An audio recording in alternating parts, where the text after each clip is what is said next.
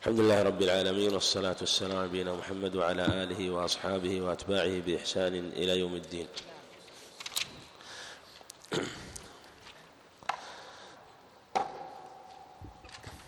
قال الإمام الحافظ عبد الغني رحمه الله باب صفة صلاة النبي صلى الله عليه وسلم. ساق حديث أبي هريرة وهو كما كما عليه هو عائشة المصنف في الصحيحين قال كان رسول الله صلى الله عليه وسلم إذا كبر في الصلاة سكت هنيهة أي لا يجهر في هذا السكوت وليس فيه آه، نفي قراءة إنما لم يكن يجهر. قبل أن يقرأ يعني قبل أن يجهر فعلموا ذلك بأنه كان يسكت ثم يقرأ عليه الصلاة والسلام. فقلت يا رسول الله بأبي أنت وأمي أرأيت سكوتك بين التكبير والقراءة؟ ما تقول فيه؟ قال أقول اللهم باعد بيني وبين خطاياي كما باعدت بين المشرق والمغرب. وهذا كما أن في استحالة التقاء المشرق والمغرب في مبالغة في الدعاء بأن يباعد الله بينه وبين خطاياه.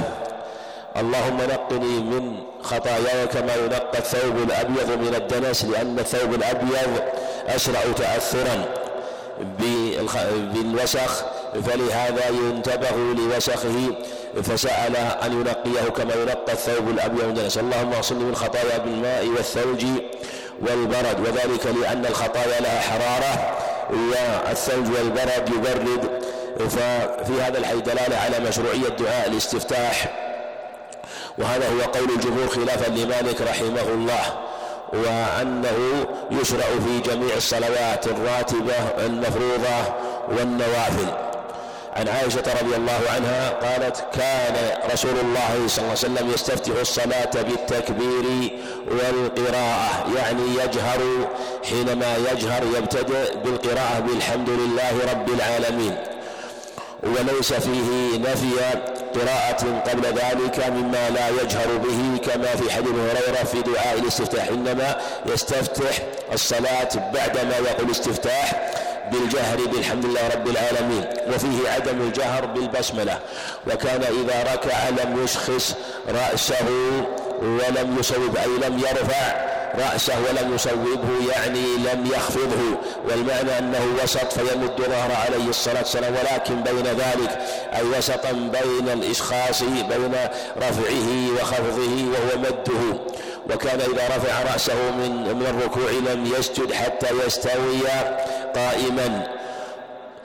حتى يستوي قائما أي يعتدل وهو الإطمئنان. وهو الإطمئنان كما يأتي أيضا في حديث في حديث المسيء صلاته حينما علمه عليه الصلاة والسلام ذلك. وكان إذا رفع رأسه من السجد لم يسجد حتى يستوي قاعدا وفيه وجوب الاعتدال بين الركنين بين الركنين بين الركنين وهما السجود كما أنه يجب بعد الرفع من الركوع. وكان يقول في كل ركعتين التحية فيه وجوب التحية في التشهد الأول والتشهد الثاني. وكان يفرش رجله اليسرى وينصب رجله اليمنى إلا يعني إلا في الصلاة التي فيها تشهدان. وهذا فيما إذا كانت صلاة فيها تشهد واحد. فيها تشهد. أما إذا كان فيها تشهدان فإن التشهد الثاني يجلس لا يفترش لكن لكنه يجلس على مقعدته ويخرج رجليه رجله اليسرى من الشق الآخر وينصب رجله اليمنى. كما في حديث أبي حميد وكان ينهى عن عقبة الشيطان وهو الإيقاع وهو الإيقاع والإيقاع هو نصب القدمين والجلوس على الأليتين ووضع اليدين في الأرض. وينهى أن يفترش الرجل ذراعيه افتراش السبع وكان يختم صلاته بالتسليم. وهذا كما سيأتي أيضا فيه النهي أن يبسط الرجل يديه كما ويفترش كما يفترش السبع وكان يختم صلاته بالتسليم لأن تحريمها التكبير وتحليلها التسليم وهذا انفرد به مسلم ولم يخرجه البخاري وليس على شرطه ليس على شرط المصنف فهو من أفراد مسلم. عن عبد الله بن عمر رضي الله عنهما أن النبي صلى الله عليه وسلم كان يرفع يديه حذو منكبيه إذا افتتح الصلاة وهذا سنة في بلا خلاف وهو رفع اليدين عند تكبيرة عند تكبيرة الإحرام وإن كان خالف بعضهم في هذا وتواترت بهذا الأخبار عن النبي عليه الصلاة والسلام في حديث أبي هريرة وابن عمر وأبي حميد وعلي بن أبي طالب في رفع اليدين في هذا الموضع وكذلك ما بعده. وإذا كبر للركوع كذلك أيضا يرفع يرفع يديه إذا كبر للركوع وإذا رفع رأسه من الركوع ويكون التكبير مع الرفع. وكذلك التكبير مع الهوي للركوع. وقال وإذا رفع رأسه الركوع رفعهما كذلك. يعني إلى المنكبين أو إلى الأذنين وهما موضعان ثابتان عن النبي عليه الصلاة والسلام. وقال سمع الله الحمد ربنا ولك الحمد. وهذا في حق الإمام والمنفرد. أما المأموم فإنه يقول ربنا ولك الحمد كما تقدم. وكان لا يفعل ذلك في السجود يعني أنه لا يرفع اليدين حينما يهوي إلى السجود. ولا يرفع اليدين بين السجدتين. وجاء في حديث عن حديث ابن عباس وعند أبي داود وكذلك ابن الزبير أو وفيهما رفع اليدين. وكثير من العلم يرى أنها لا تثبت هذه الأخبار بدلالة حديث ابن عمر في الصحيحين وأنه لا يرفع يديه في السجود ولا في الهوي إلى السجود. عن ابن عباس رضي الله عنهما قال قال رسول الله صلى الله عليه وسلم أمرت أن أسجد على سبعة أعظم وهي الأعضاء السبعة وهذا أيضا ثبت في حديث العباس بن عبد المطلب في صحيح مسلم أمرت أن أسجد على سبعة آراب على الجبهة وأشار بيده إلى أنفه. وفي دلالة على وجوب السجود على الجبهة والأنف وفي حديث وفي حديث أبي حميد أنه مكن جبهته ومكن أنفه عليه الصلاة والسلام من الصلاة. وجاء في حديث لا بأس به لا صلاة لمن لم يصب. أنفه بالأرض ما تصيب جبهته. واليدين والركبتين وأطراف القدمين. وعندهما زيادة ولا نكفت الثياب ولا الشعر يعني لا نكفهما. وهذه الأعضاء السبعة التي يجب السجود عليها. عن أبي هريرة رضي الله عنه قال كان رسول الله صلى الله عليه وسلم إذا قام إلى الصلاة يكبر حين يقوم. يعني تكبيرة الإحرام. يقول الله أكبر هذه واجبة بالإجماع ولا يدخل في الصلاة إلا بها. ثم يكبر حين يركع كما تقدم في حديث ابن عمر. يعني يقول الله أكبر. وهذا واجب في مذهب أحمد. وقال الجمهور ليس بواجب واستدلوا بما جاء في هذه الأخبار وأن الرسول عليه الصلاة والسلام صلاته بيان لما أمر الله به من إقامة الصلاة وكذلك صلوا كما رأيتموني أصلي. ثم يقول سمع الله لمن حمد حين يرفع صلبه من الركوع وفي دلالة على أن الإمام حينما يرفع سمع الله لمن حمده ويقول وهو قائم ربنا ولك الحمد عكس المأموم فإنه يقول وهو قائم وهو قائم ربنا ولك الحمد وهذا هو قول الجمهور خلافا للشافعي رحمه الله الذي يقول إن الإمام مأموم يقول سمع الله لمن حمده كالإمام ويقول ربنا ولك الحمد إذا اعتدل. لكن الصواب قول الجمهور. ثم يكبر ولهذا قال عليه الصلاة والسلام إذا قال سمع الله حمده فقولوا ربنا ولك الحمد. ثم يكبر حين يهوي يعني إلى السجود بلا رفع. ثم يكبر حين يرفع رأسه يعني من السجود ثم يكبر حين يسجد ثم يكبر حين يرفع رأسه يعني في السجود والرفع من السجود لكن بلا رفع يدين كما تقدم في حديث ابن عمر. ثم يفعل ذلك في صلاته كلها ويعني في كل ركعة كما ثبت في, في كما ثبت في تعليم النبي عليه الصلاة والسلام في من أساء صلاته وقال وافعل ذلك في صلاتك كلها وعند أحمد بسند جيد وافعل ذلك في كل ركعة حتى يقضيها وحين ويكبر حين يقوم من الثنتين بعد الجلوس وهو التشهد الأول في الثلاثية وفي الرباعية. عن مطرف بن عبد الله وهو ابن الشخير قال صليت أنا وعمران أنا وعمران بن حسين وهو ابن جيد الخزاعي رضي الله عنهما خلف علي بن أبي طالب رضي الله عنه فكان إذا سجد كبر وإذا رفع رأسه كبر وإذا نهض من الركعتين كبر فلما قضى الصلاة أخذ بيدي عمران بن حسين وقال ذكرني هذا صلاة محمد صلى الله عليه وسلم أو قال صلى بنا صلاة محمد صلى الله عليه وسلم. وفي دلالة على أن التكبير في كل خفض ورفع كما في حديث ابن مسعود رضي الله عنه أن النبي عليه الصلاة والسلام كان يكبر في كل خفض ورفع. إلا في الرفع من الركوع فإنه يقول سمع الله لمن حمده كما تقدم في حق الإمام. عن البراء بن عازب وهو بن حارث الأنصاري رضي الله عنهما قال رمقت الصلاة مع محمد صلى الله عليه وسلم فوجدت قيامه يعني قبل ركوعه قيامه في قراءته للفاتحة وبعد فركعته يعني بعد قيامه فاعتداله بعد ركوعه. فسجدته فجلسته بين السجدتين فسجدته فجلسته بين السجدتين فسجدته ما بين التسليم والانصراف قريبا من السواء والمعنى أن صلاته عليه الصلاة والسلام كانت متتامة وكانت متقاربة. قال وفي رواية البخاري ما خلا القيام والقعود. يعني أن ركوعه ورفعه من الركوع وسجوده وجلسته بين السجدتين وسجدته الثانية متقاربة. إلا القيام والقعود فإنه يمد فيه عليه الصلاة وإلا القيام يعني القيام قبل الركوع وهو قيام القراءة. وكذلك القعود وهو قعود التشهد أنه يزيد فيه وفي دلالة على أنه عليه الصلاة والسلام كان يطيل جلوس التشهد ويكثر فيه من الدعاء صلوات الله وسلامه عليه. وعن ثابت البناني عن أنس بن مالك رضي الله عنه قال إني لا إني لا آل أي لا أقصر أن أصلي بكم كما كان رسول الله صلى الله عليه وسلم يصلي بنا لأنه هو القدوة والأسوة والمعنى أننا مهما اجتهدنا فإننا لن نستطيع وأن نفعل كما فعل عليه الصلاة والسلام. لكن حسبنا أن نجتهد. قال ألا آل أن أصلي بكم كما كان رسول الله صلى الله عليه وسلم يصلي بنا لأنه قال صلوا كما رأيتموني أصلي. فهذا شاهد لحديث مالك الهويري قال ثابت وابن أسلم البناني رضي الله رحمه الله ورضي قال فكان أنس ابن مالك يصنع شيئا لا أراكم يعني لا أبصركم أرى هذه البصرية تصنعونه. وذلك أنه في زمانه خف فعلهم وخالف شيئا من السنة وهذا وقع من كثير من ولاة بني أمية. كان إذا يعني أنس إذا رفع رأسه من الركوع انتصب قائما يعني أنه يطيل القيام حتى يقول القائل الذي يصلي خلفه قد نسي قد نسي أنه رفع من قيام الركوع من إطالته. وإذا رفع رأسه من السجدة الأولى مكث يعني بين السجدتين حتى يقول القائل قد نسي مما يطيله وأنه نقل صلاة النبي عليه الصلاة والسلام. وفي رد على من قال إن الجلسة بين السجدتين والرفع بعد الركوع يكون خفيفا.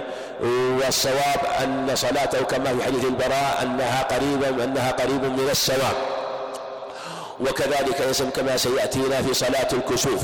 عن أنس بن مالك رضي الله عنه قال ما صليت وراء إمام قط أخف صلاة ولا أتم من رسول الله صلى الله عليه وسلم أن صلاته كانت خفيفة في تمام عليه الصلاة والسلام يخففها ويتمها.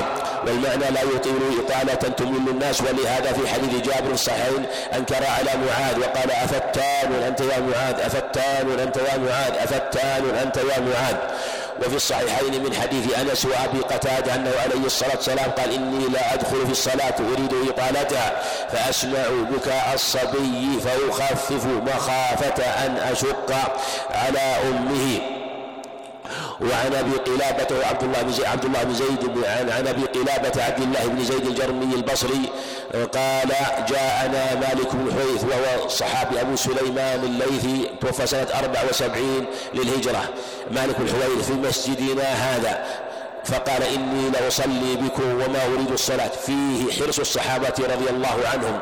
وأنهم كانوا يعلمون السنة وينشرونها فيأتي إليهم قاصدا لأجل أن يعلمهم الصلاة وفيه دلالة على مشروعية تعليم الصلاة وعدم الغفلة عنها وأنه يشرع للأئمة أن يذكروا الناس بذلك فكثير من الناس ربما يغفل عنها وهذا مما يشرع للأئمة أن يقوموا في خطبهم فيذكروا الناس بالصلاة من جهة عظمها ومن جهة أهميتها وبيان صفة صلاة النبي عليه الصلاة والسلام فما أكثر الجاهل بصفة صلاة عليه الصلاة والسلام. ولهذا يشرع التذكير بها وبيانها مختصرة واضحة لعموم الناس خاصة في الخطب الجوامع وبيان أهميتها وصفة صلاة ووجوب صلاة الجماعة فإنها من أعظم أسباب الصلاح والفلاح في الدنيا والآخرة. وهذا قد يغفل عنه فبعضهم ربما يعتني بأمور وموضوعات قد لا يحتاج إليها أو لا يحتاجها. أو لا يحتاجها كثير من المصلين. لكن على عليه أن يعتني بما فيه بما فيه بسلامة عبادتهم في في صلاتهم وفي سائر أعمالهم. وثم ينبه أيضا على ما يكون مهما مما يحتاج إليه. قال وما أريد الصلاة إنما جئت لقصد التعليم. أصلي كيف رأيت رسول الله صلى الله عليه وسلم مثل ما تقدم أن في حديث أنس رضي الله عنه وفيه ما جاء في قوله عليه الصلاة والسلام صلوا كما رأيت مصلي وهذا نقله مالك الحويرث فامتثل قوله عليه الصلاة والسلام وقال أصلي كيف رأيت رسول الله صلى الله عليه وسلم يصلي. فقلت لأبي قلابة كيف كان يصلي؟ فقال مثل صلاة شيخنا هذا. وهو يعني عمرو بن سلمة عمرو بن سلمة الجرمي. وكان يجري وكان يجلس إذا رفع من السجود قبل أن ينهض. وهذا الحديث ليس على شرطه لأنه من أفراد البخاري. قال أراد بشيخهم أبا بريد أبا بريد عمرو بن سليمة الجرمي ويقال أبو يزيد. وفيه دلالة على مشروعية جلسة الاستراحة وهي ثبتت في حديث مالك بن حويرث وثبت أيضا في حديث أبي حميد عند أبي داود بإسناد صحيح وحديث مالك بن حويرث في صحيح البخاري. وجاء في البخاري أيضا رواية يدل أنه عليه الصلاة والسلام علمها من أساء صلاته وأنه قال له يجلس حينما يرفع من السجدة الثانية وظاهر هذه الرواية أنها واجبة وأنها ركن وهذا مما أشكل على بعضهم ولكن الأظهر والله أعلم أن هذه الرواية وهم ولهذا نبه البخاري عليها رحمه الله وأن راويها انفرد بهذا ولهذا لم يذكرها رحمه الله في كتاب الصلاة. عن عبد الله بن مالك بن محينة عبد الله بن مالك ابن عبد الله بن مالك بن محينة رضي الله عنه أن النبي صلى الله عليه وسلم كان إذا صلى فرج بين يديه حتى يبدو بياض إبطيه. هذا الحديث دلالة على مشروعية التفريج وظاهر الحديث وجوب التفريج وكان عليه الصلاة والسلام يفرج بين يديه. وفي حديث ميمون عند مسلم كان النبي عليه الصلاة والسلام إذا سجد فرج بين يديه حتى لو أن بهمة جامرت لجازت لأمرت وجاء أيضا في حديث البراء بن عازب إذا سجدت فضع كفيك وارفع مرفقيك في مسلم. وجاء في حديث عبد الله بن جز الزبيدي أنه قال إن كان رسول الله صلى الله عليه وسلم ليفرج بين حتى نأوي له. وقال عليه الصلاة والسلام في الصحيح عن أنس لا يبسط أحدكم يديه بسط الكلب. لا بسط الكلب المعنى أنه يرفع ذراعيه ويضع كفيه. وعن وعن أبي مسلمة سعيد بن سعيد بن يزيد قال سألت أنس بن مالك رضي الله عنه أكان النبي صلى الله عليه وسلم يصلي في نعليه قال نعم. وفي دلالة على أنه لا بأس من الصلاة في النعلين لا بأس من الصلاة في النعلين. والصلاة في النعلين جاءت في أخبار عن النبي عليه الصلاة والسلام. وقال عليه الصلاة والسلام صلوا في نعالكم خالفوا اليهود وصلوا في نعالكم. وثب وجاء في عند أبي هريرة وجاء عند أبي داود أبي هريرة أنه عليه الصلاة والسلام قال إذا صلى أحدكم فصلى إذا صلى أحدكم فلا يجعل نعليه عن يمينه ولا عن شماله فتكون عن شماله عن يمين غيره وليصل وليضعهما بين رجليه أو يصلي فيهما. ولم يذكر أيضا خلفه لأنه أيضا لا توضع خلفه لأنه تكون أمام غيره. فالمشروع إما أن يجعلها بين رجليه أو أن يصلي فيهما. هذا هو السنة خلافا لما يفعله كثير من الناس الذين يضعوا النعلي أمامه أو يضعها خلفه. فالسنة أن تكون النعلين إما أن تلبسها وإما أن تكون بين قدميك. إلا أن أن هذا أن هذا إذا كانت المساجد غير مفروشة. أما إذا كانت مفروشة فإنه ربما يكون فيه تقدير لها من جهة أن ما فيها من السجاد حينما يوطأ عليه يتأثر ويخرج منه رائحة والصلاة في النعلين هيئة في الصلاة. فإذا ترتب عليه شيء من الأذية في هذه الحالة لا يشرع ذلك إنما إذا كانت المساجد مفروشة بالحصباء أو التراب ونحو ذلك ونحو ذلك. وإذا كان الإنسان ليس عن إذا كان الإنسان يعني يتأذى بأن تكون بين رجليه أو إذا وضعها بين رجليه مثلا تقذر المكان فلا بأس أن يضعها أمامك كما يفعل الناس اليوم أو يضعها في شيء يحفظها. قال وعن أبي قتادة الأنصاري رضي الله عنه أن رسول الله صلى الله عليه وسلم كان يصلي وهو حامل امامه بنت زينب بنت رسول الله صلى الله عليه وسلم ولابي العاص بن الربيع بن عبد شمس فإذا سجد وضعها وإذا قام حملها وكان هذا قبل إسلام ابي العاص ولهذا قال ولابي العاص.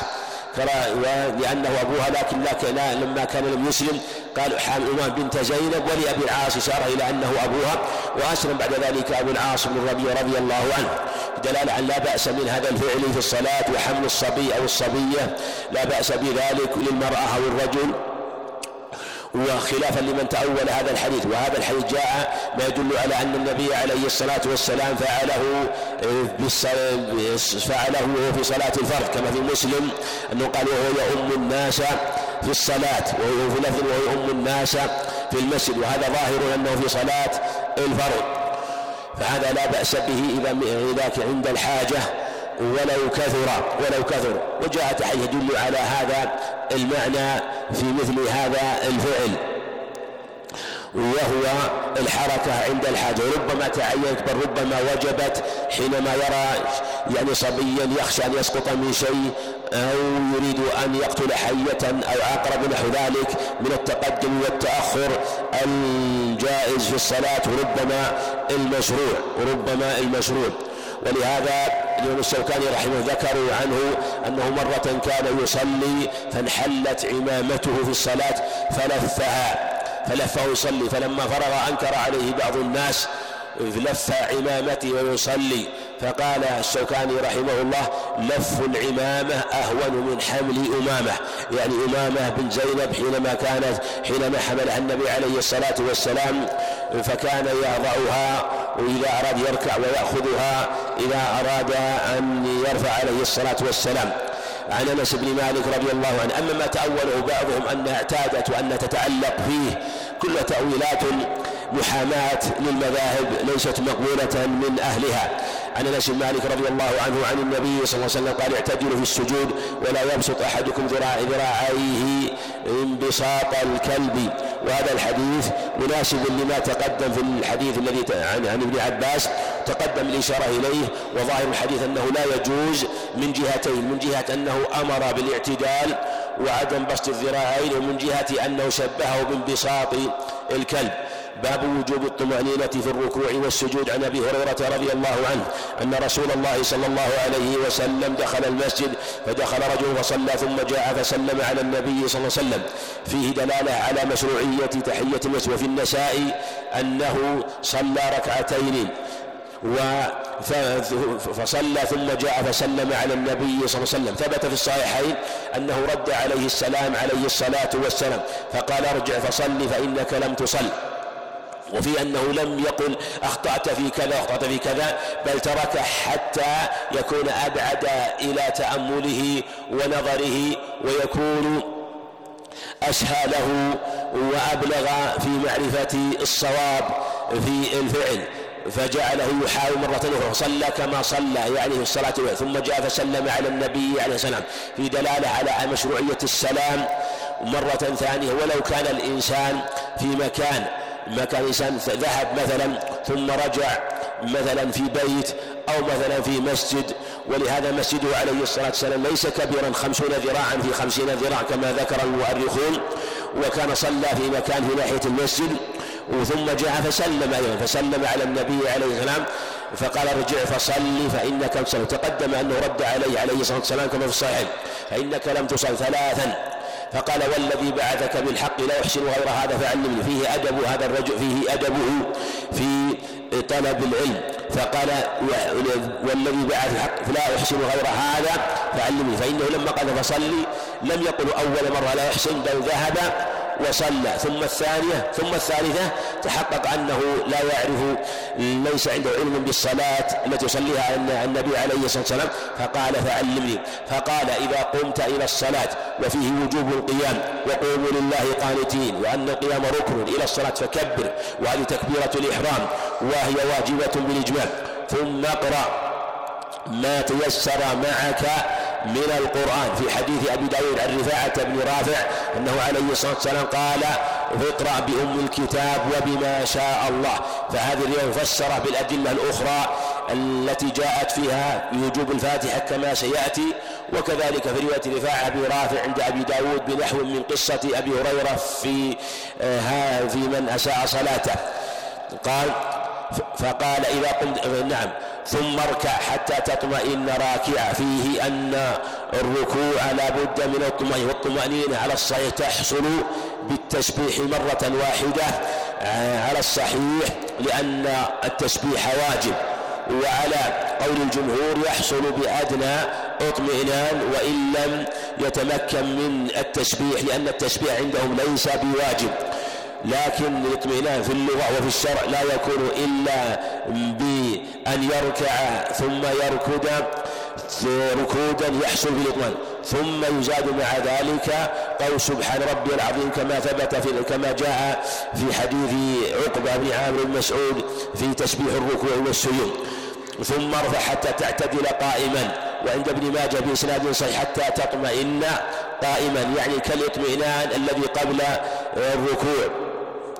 ثم اسجد حتى تطمئن ساجدا ثم ارفع حتى تطمئن جالسا وافعل ذلك في صلاتك كلها. أي في كل ركعة هذا هو الصواب والمعنى أن تجب الفاتحة وتجب هذه الأفعال في كل ركعة. وتقدم إشارة إلى رواية أحمد آه، أنه عليه الصلاة والسلام قال وافعل ذلك في كل ركعة. باب القراءة في الصلاة. عن عبادة بن الصامت رضي الله عنه أن رسول الله وعبان الصامت صحابي جل توفي في فلسطين بالرملة سنة 34 للهجرة. أن رسول الله صلى الله عليه وسلم قال لا صلاة لمن لم يقرأ بفاتحة الكتاب. وهذا هو الصواب أن فاتحة الكتاب واجبة في صلاة الفرض والنفل في السرية والجهرية. خلافا للجمهور في هذا فرق بين الجهر والإسرار والصواب ما دل عليه حديث عبادة لعمومه ولما جاء أيضا في صحيح مسلم حيث هريرة أنه عليه الصلاة والسلام قال كل صلاة لا يقرأ فيها بأم القرآن فهي خداج خداج خداج غير تمام. وثبت أيضا عند الدار قطني بإسناد صحيح أنه عليه الصلاة والسلام قال من حديث هريرة لا تجزئ صلاة لا يقرأ فيها بأم القرآن. وعند أبي داود من حديث عبادة بن الصامت من طريقين أنه عليه الصلاة والسلام قال لعلكم تقرؤون خلف إمامكم قالوا نعم. قال لا إلا بأم القرآن. وثبت أيضا هذا من حديث رجل من الأنصار ومن حديث عائشة رضي الله عنها أيضا بالفاتحة في الصلاة الجهرية. ذكرهما البخاري في جزء القراءة رحمه الله. فالصحيح أن الفاتحة واجبة في كل حال. في الصلاة السرية والجهرية كما تقدم. هذا هو ظاهر السنة وهو مذهب الشافعي رحمه الله. وعن أبي قتادة الحارث بن ربعي آه، الانصاري رضي الله عنه الحارث بن ربعي آه، السلمي أو السلمي مات سنة 54 للهجرة قال كان رسول الله صلى الله عليه وسلم يقرأ في الركعتين الأوليين من صلاة الظهر فاتحة الكتاب وسورتين وهذا كما هو منقول من سنته القولية فكذلك من سنته الفعلية مشروعية قراءة الفاتحة وجوب الفاتحة وأنه كان يقرأ عليه الصلاة والسلام. ثم أيضا قراءة سورتين قراءة سورة في كل ركعة وأن هذا من الأمر المسنون قال أنه يقرأ في الركعتين الأولى من صلاة الظهر بفاتحة الكتاب وسورتين يطول في الأولى ويقصر ويقصر في الثانية تكون الثانية أقصر من الركعة الأولى ويسمعون الآية الآية أحيانا. في رواية عند النسائي نسمع منه الآية تلو الآية من سورة لقمان والذاريات وكان يقرأ في العصر بفاتحة الكتاب وسورتين مثل صلاة الظهر لكنها خف من صلاة الظهر يطول في الأولى ويقصر في الثانية. وفي الركعتين الأخرين بأم الكتاب يطول في الركعة الأولى من صلاة الصبح ويقصر في الثانية. وفيه دلع عن كل صلاة الظهر بالنسبة لصلاة العصر و فيه أيضا في صحيح مسلم حديث سعيد الخدري رضي الله عنه أنه قال إن كانت الصلاة لتقام صلاة الظهر فيذهب الذاهب إلى البقيع فيتوضأ ثم يرجع فيدرك الركعة الأولى مع النبي صلى الله عليه وسلم مما يطولها. عن جبير بن مطعم رضي الله عنه قال سمعت النبي صلى الله عليه وسلم يقرأ في المغرب بالطور وفيه أنه عليه الصلاة والسلام ربما قرأ بطوال مفصل في صلاة المغرب وثبت أيضا في الصحيحين من حديث من حديث من حديث من حديث لعل لبابة بنت الحارث رضي الله عنها أن من حديث أم أو أم الفضل أنها قالت لابن عباس لقد أذكرتني بصلاتك هذه صلاة النبي صلى الله عليه وسلم وأنها من آخر ما صلى في صلاة المغرب وكان قرأ فيها بالمرسلات. وكذلك أيضا ثبت ثبت في في حديث زيد بن ثابت البخاري أنه قرأ فيها بالأعراف. عند النسائي من حديث عائشة بإسناد صحيح أنه فرقها في الركعتين وجاءت أحد العدة في قراءته عليه الصلاة والسلام في صلاة المغرب. و في صلاة الفجر أيضا قرأ في الطور كما ثبت في الصحيحين من حديث أم سلمة رضي الله عنها أن أنها أنها قالت للنبي عليه الصلاة والسلام إني أريد أن أطوف وأنا شاكي وهذا في حجة الوداع. فقال عليه الصلاة والسلام طوفي من وراء الناس. فطافت من وراء الناس والنبي يصلي بالناس الفجر في صبح اليوم الرابع عشر. من العام العاشر من شهر ذي الحجة وهو اليوم الذي خرج فيه عليه الصلاة والسلام إلى المدينة في صبح اليوم الرابع عشر لأنه حجته كان وافقت حجة الوداع يوم الجمعة والسبت هو يوم النحر والأحد والحادي عشر والاثنين الثاني عشر والثلاثاء هو الثالث عشر. نعم. فكان اليوم الرابع عشر يوافق يوم الأربعاء يوم الأربعاء. فصلى عليه الصلاة والسلام بهم صلاة الفجر من صبح الرابع عشر يوم الأربعاء. وكان قد بات بالأبطى عليه الصلاة والسلام ثم توجه بعد ذلك إلى المدينة. وفي أنه قرأ فيها بالطور. قد وكنت أسمع قراءة النبي صلى الله عليه وسلم بالطور. وفيه أنه ربما أطال عليه الصلاة والسلام في المغرب. وجاء في المغرب آه، قراءة آه، جاء في المغرب ما يدل على تقصيرها من حديث رافع بن خديج أنه قال كنا نصلي مع النبي صلى الله عليه وسلم المغرب ثم نخرج فنرمي نبلنا ويبصر أحدنا موقع ويبصر أحدنا موقع نبله.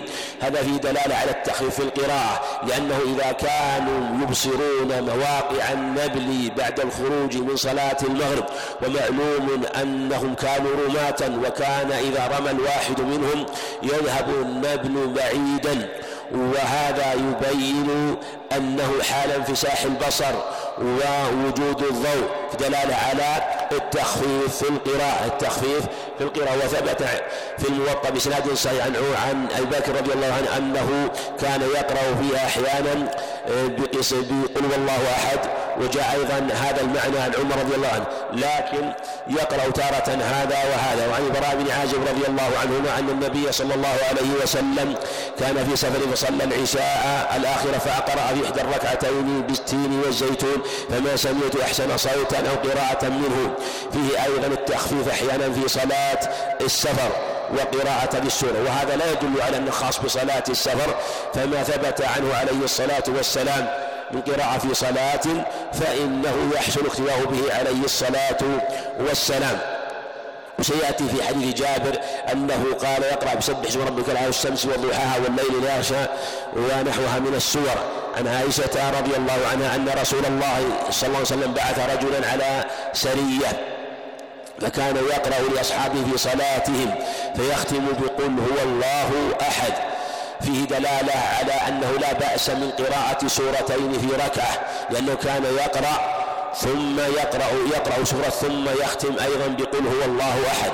هذا ظاهر الرواية. فلما رجعوا ذكروا ذلك لرسول الله صلى الله عليه وسلم يعني أنه يقرأ قل الله أحد ويكررها في كل ركعة بعدما يقرأ سورة. فقال سلوه فذكروا ذلك ذكروا ذلك رسول لرسول الله لرسول الله صلى الله عليه وسلم.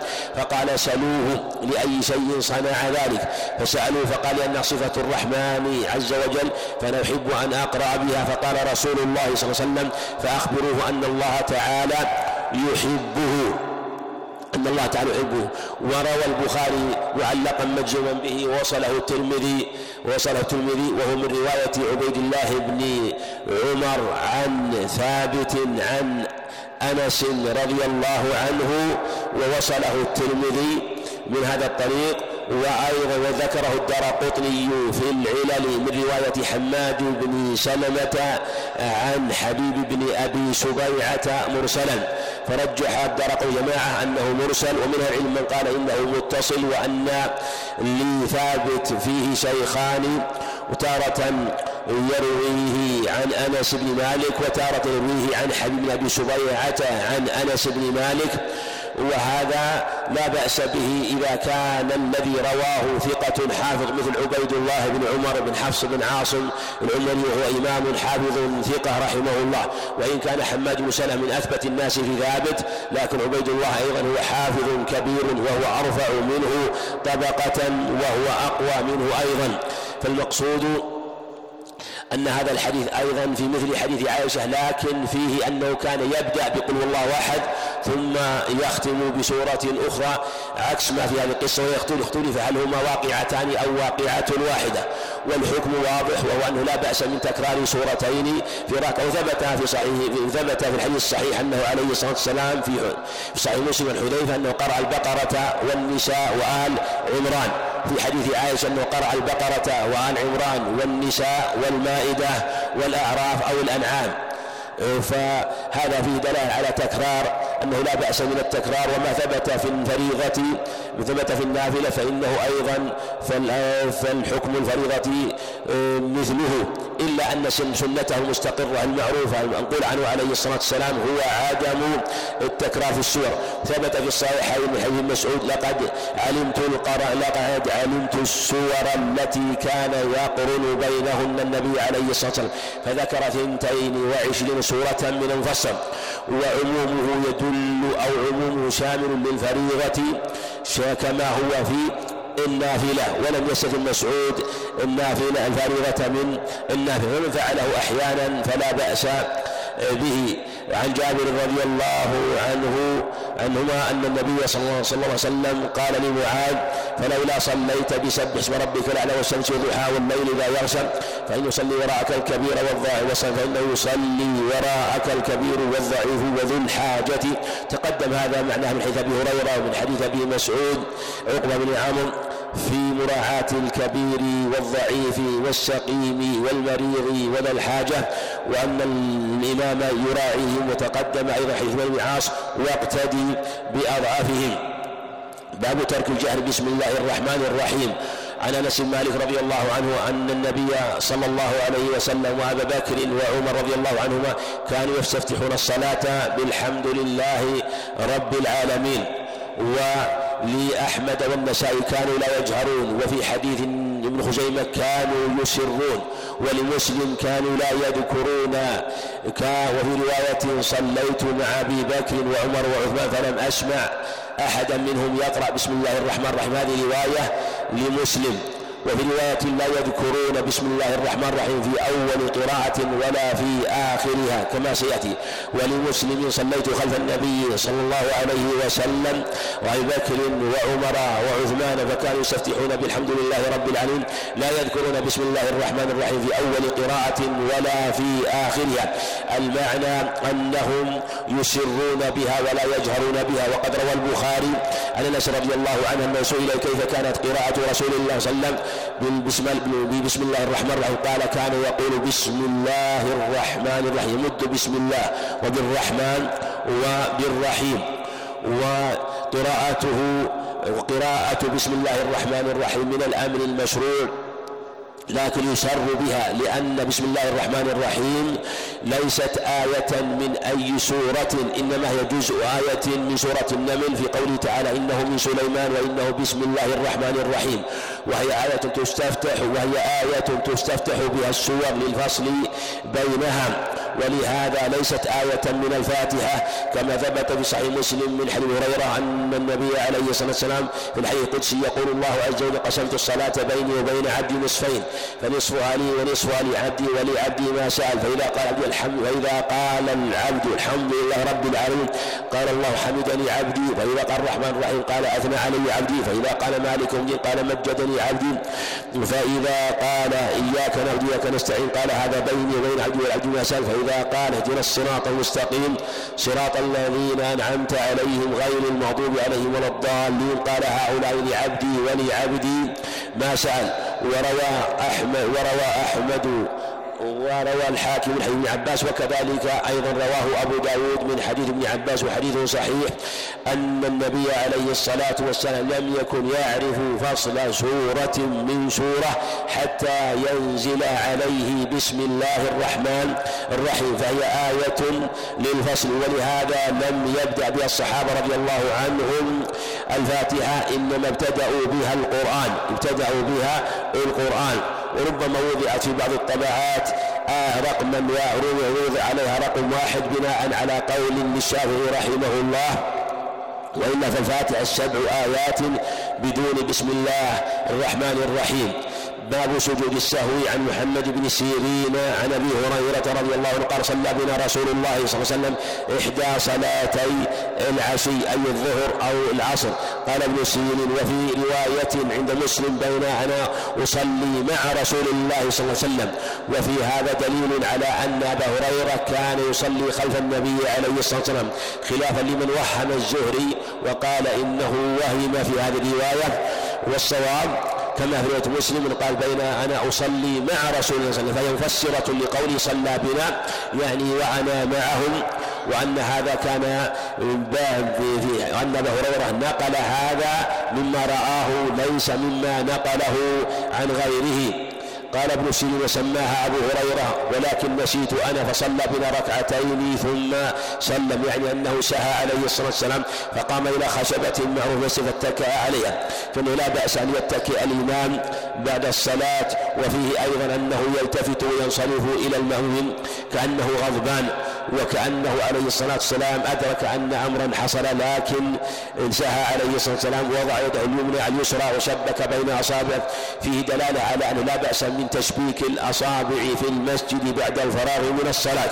أما قبل الصلاة أو في القصد إليها فلا يشبك الإنسان بين أصابع لما روى الحاكم بيهقي من هريرة إذا كان حدث من الصلاة فلا يشبكن بين أصابعه. هذه رواية جيدة ورواها الترمذي وأبو داود لكن بأسانيد فيها ضعف وهذا في القصد إلى الصلاة وانتظار الصلاة. وكذلك من جلس في المسجد بعد الصلاة ينتظر الصلاة. من جلس في المسجد مثلا بعد العصر ينتظر المغرب أو بعد المغرب ينتظر العشاء فلا يشبك بين أصابعه إذا كان ينتظر صلاة العشاء. أما من كان يريد أن يقوم بعدما يفرغ من أذكاره فهذا لا بأس يشبك كما شبك النبي عليه الصلاة والسلام ظنا منه أنه قد فرغ من الصلاة وخرج السرعان من أبواب المسجد. وقالوا قصرت الصلاة وفي القوم أبو بكر وعمر فهاب أن يكلمه.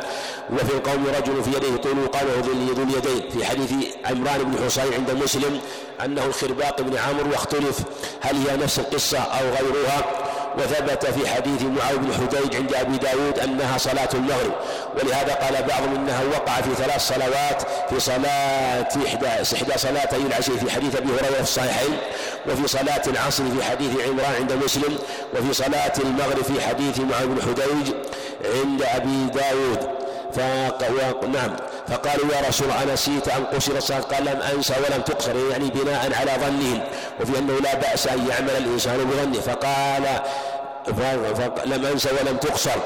فقال أكما يقولون؟ لأنه لأنه ثبت صحيح أنه قال ذو بلى قد نسيت بلى قد نسيت لما قال لم أنسى ولم تقصر إذا كانت الصلاة لم تقصر لأن الأمر يكون في هذه الحال محصور.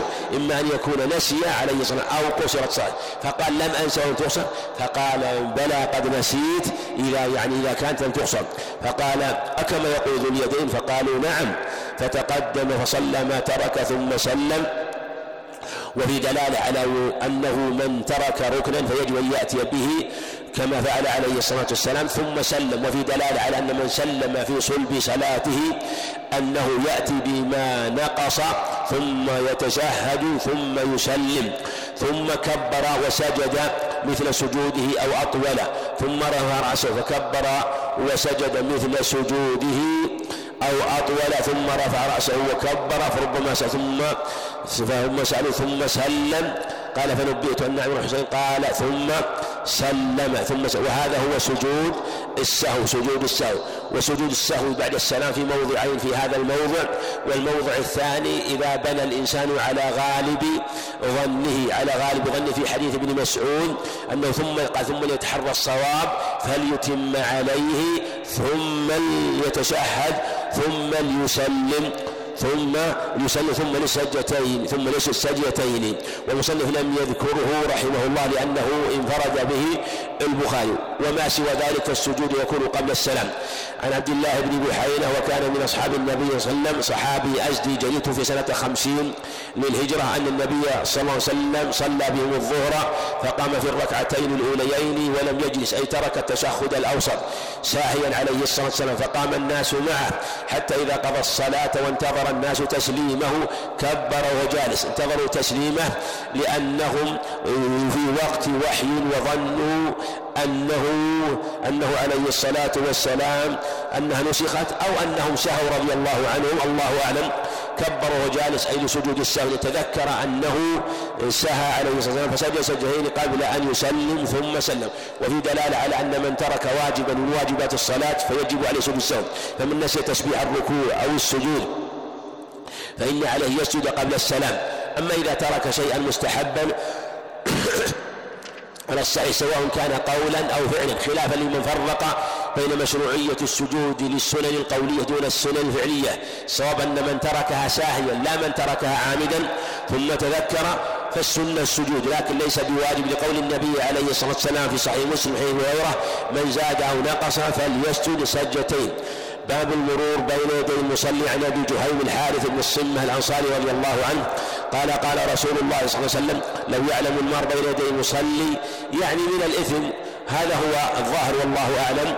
ووقع لكشميهني رحمه الله في نسخته من الإثم لكن بين الحفاظ أنه وهم منه وأنه ليس رواية إنما جاء في الحديث بدون ذكر. ولهذا قال ماذا عليه من الإثم؟ ماذا عليه الإثم وهذا إن كان ثابت في نسخ العمدة فهو من وهم المصنف رحمه الله أو أنه أخذه من نسخة الكشميهني والكشميهني وإن كان إماما لكن ليس بذاك الحافظ المتقن رحمه الله فالصواب أنها زيادة أو أن الكشميهني وجدها حاشية فألحقها بأصل البخاري ظنا منه أنها من الحديث. فكان أن يقف أربعين عند البزار خريفا أي سنة خير له من أن يمر بين يديه. وجاء عند ابن ماجه وأحمد من حديث أبي هريرة لكان أن يقف مئة عام في التشديد في المرور بين يدي المصلي وأنه يجب عليه أن يبتعد عن المصلي إذا كان بين يدي سترته أو إذا لم يكن سترة يجعل بينه وبينه مقدار ثلاثة أذرع هذا هو حد حمى المصلي. قال أبو النضر وسالم بن أبي أمية لا يقل أربعين يوما أو شهرا أو سنة. عن أبي سعيد الخدري رضي الله عنه وسعد بن مالك بن سنان قال سمعت رسول الله صلى الله عليه وسلم يقول إذا صلى أحدكم إلى شيء يستره من الناس. وفي ذلك على مشروعية اتخاذ سترة. فأراد أن يجتاز بين يديه فليدفعه. يعني أن يمر بين يديه بينه وبين سترته فإن أبى فليقاتله فإنما هو شيطان. رواه مسلم من حديث ابن عمر فإن معه القرين فإن معه القرين. والمعنى أنه يدفعه ولو سقط لأنه هو المعتدي. وهذا فيه تفصيل مسألة المرور بين يدي المصلي والأصل هو آه، عدم جواز مرور بين المصلي إلا في أحوال خاصة فيما إذا ضاق المكان وليس ثم طريق إلا المرور بين يدي المصلي. عن ابن عباس عن عبد الله بن عباس رضي الله عنهما قال أقبلت راكبا على حمار أتان وعلى حمار أتان وأنا يومئذ قد ناحزت الاحتلام. يعني قاربت الاحتلام. ورسول الله صلى الله عليه وسلم يصلي بالناس بنا إلى غير جدار إلى غير قيل المعنى إلى غير سترة. وهذا جاء في رواية عند البزار. وفي ثبوتها نظر. وبوب على البخاري على هذا المعنى رحمه الله. ويحتمل أنه أراد أنه عليه الصلاة والسلام كان من عادته أن يصلي إلى جدار إذا كان في الحضر. وإذا كان مثلا في السفر فانه يصلي الحرب أما إذا كان في البلد فإنه يصلي إلى شيء يستره فيقول إلى غير جدار فكأنه صلى إلى سترة. لكن لم تكن السترة شيئا بارزا كالجدار. ولهذا لم يقل صلى إلى غير سترة. وكأنه والله لو صلى إلى غير سترة لكان الأظهر أن يقول غير سترة إلى غير لا إلى غير سترة. لكن لما قال إلى غير جدار فهو مفهوم أنه صلى إلى شيء يستره. لكن لم يكن جدارا كما هي عادته حينما يصلي في البلد. مررت بين يدي بعض الصف فنزلت وأرسلت الأتان ترتع ودخلت في الصف فلم ينكر ذلك علي أحد. فيه دليل على أن سترة لمن خلفه وأن المرور بين يدي المصلين لا بأس بها على قول جماهير العلماء خلافا لمن قال لا يجوز المرور بين يدي المصلي. وبوب عليه البخاري أيضا هذا المعنى وأنه لا يضر المرور بين يدي المصلي. عن عائشة رضي الله عنها قالت كنت أنا وبين يدي رسول الله صلى الله عليه وسلم ورجايا في قبلته. فيسجد غمزني في أنه لا بأس أن يصلي المراه ولو كانت أمامه إنما النهي أن تمر بين يديه. أما لو كانت ثابتة جالسة نائمة قائمة هذا لا بأس به. فقبضت رجلي وفي أن هذا لا بأس به وفي دلالة على ضيق أماكنهم وأنه لا يسع نومها وأن تمد رجليها وأن يصلي من ضيق المكان. فإذا قام بسطتهما وإذا قام بسطتهم يعني مددتهم والبيوت يومئذ ليس فيها مصابيح. وفي دلاء جواز الصلاة إلى النائم واستقبال واستقباله في الصلاة وأنه لا بأس بذلك. أما حديث النهي عن الصلاة إلى النيام والمتحدثين فقد رواه أبو داود وحديث ضعيف. باب باب الجامع. عن أبي قتادة الحارث بن ربعي رضي الله عنه الانصاري قال قال رسول الله صلى الله عليه وسلم إذا دخل أحدكم المسجد فلا يجلس حتى يصلي ركعتين فيه. الأمر بتحية المسجد ومشروع ومشروعية تحية المسجد. جاء الأمر بهما وجاء النهي عن الجلوس قبلهما وهو عند جماهير العلم سنة وذهب بعض العلماء إلى وجوبهما والمساله فيها بحث وأدلة من الجانبين لكن لا ينبغي التفريط بصلاة تحية المسجد. عن زيد بن أرقم رضي الله عنه قال كنا نتكلم في الصلاة. ثم صلاة تحية المسجد على الصحيح مشروعة في كل الأوقات حتى في أوقات النهي لأنها من ذوات الأسباب وذوات الأسباب مخصوصة من أحاديث النهي بعد صلاة العصر وبعد صلاة الفجر. عن زيد بن أرقم رضي الله عنه قال كنا نتكلم الصلاة يكلم الرجل صاحبه وهو إلى جنبه في الصلاة حتى نزلت وقوموا لله قانتين حتى نزلت وقوموا لله قانتين فأمرنا بالسكوت ونهينا عن الكلام. هذا اللفظ لفظ مسلم. ولو قال المصنف رحمه الله واللفظ لمسلم لكان أحسن لأن قوله ونهينا عن الكلام من أفراد مسلم. وإن كان مفهوم فأمرنا بالسكوت مفهوم من قوله فأمرنا بالسكوت المعنى ونهينا عن الكلام. وفيه كما تقدم تحريم الكلام في الصلاة ودلالة على وقوع النسخ في الشريعة وكانوا يكلمون بعضا ثم نسخ بعد ذلك وفيه كما ثبت الصحيحين أن ابن مسعود رضي الله عنه جاء وسلم على النبي عليه الصلاة والسلام ف سلم عليه فلم يرد عليه السلام فوقع في نفسه ما قدم وما حدث يعني لأنه لم يرد عليه السلام فلما فرغ أخبره وقال إن في الصلاة شغلا. في الصحيحين وفي لفظ آخر إن في الصلاة لشغلا يعني أن المصلي لا يرد السلام ولا يتكلم لأن الله عز وجل يقول وقوموا لله قانتين إلا أنه يجوز للمصلي أن يرد السلام إشارة كما في حديث بلال وصهيب وهما حديثين جيدان أنه يرد إشارة عليه الصلاة والسلام. لما ذهب إلى قباء فيه أنه سئل بلال وسأل ابن عمر أيضا سألهما كيف كان يرد؟ قال كان يرد إشارة كان يرد إشارة. أما حديث من أشار في صلاته إشارة تفهم عنه فليعد صلاته. هذا حديث لا يصح رواه أبو داود.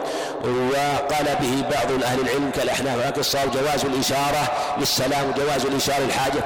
بل ثبت في صحيح البخاري من حديث أسماء أنه عليه الصلاة والسلام أشار في صلاته في صلاة الكسوف. عن عبد الله بن عمر وأبي هريرة رضي الله عنه عن رسول الله صلى الله عليه وسلم أنه قال إذا اشتد الحر فأبردوا عن الصلاة فإن شدة الحر من فيح جهنم. وفيه عن أبي ذر. هذا المعنى عن النبي عليه الصلاة والسلام أنه قال أبرد بالصلاة. أنه قال أبرد بالصلاة لما أراد أن يؤذن بلال. قال حتى رأي رأينا فيء التلول والتلول هي الربواب الصغيرة. وفي صحيح البخاري سعيد الخدري أنه عليه الصلاة والسلام قال أبردوا بالظهر والإبراد هل يشرع في كل صلاة أو يكون خاصا بصلاة الظهر؟ الأظهر أنه خاص بصلاة الظهر دون صلاة العصر. هذا هو الأظهر وهو عليه قول أهل العلم الله عليهم بحديث أبي سعيد الخدري وهل يشرد يشرع الإبراد بالجمعة الأظهر أنه لا يشرع الإبراد بالجمعة إن الإبراد يكون خاصا بصلاة الظهر. يعني حتى ينكسر فيح جهنم. ثم الإبراد على الصحيح مشروع لكل مصلي سواء كان في جماعة أو منفرد في البر سواء كان في الحضر أو في البرية. لأن العلة فإن شدة الحر من فيح جهنم. وليست العلة يعني أنه حينما يذهب الحر لورودة المسجد أو الطريق لأن هذه العلة وهي أنه من فيح جهنم موجودة حتى ولو كان آه، ذهب حرب الطريق بالتبريد أو حرب الحرب المسجد بالتبريد ونحو ذلك. عن أنس بن مالك رضي الله عنه قال قال رسول الله صلى الله عليه وسلم من نسي صلاة فليصليها إذا ذكرها لا كفارة لها إلا ذلك. قال وتلا قوله تعالى واقم الصلاة لذكري.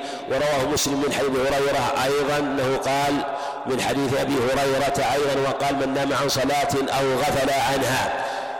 وهذا الحديث يشمل صلاة في صلاة الفرض وكذلك في صلاة النفل من نام عن صلاة أو يصلي فليصليها إذا ذكرها فليصليها إذا ذكرها.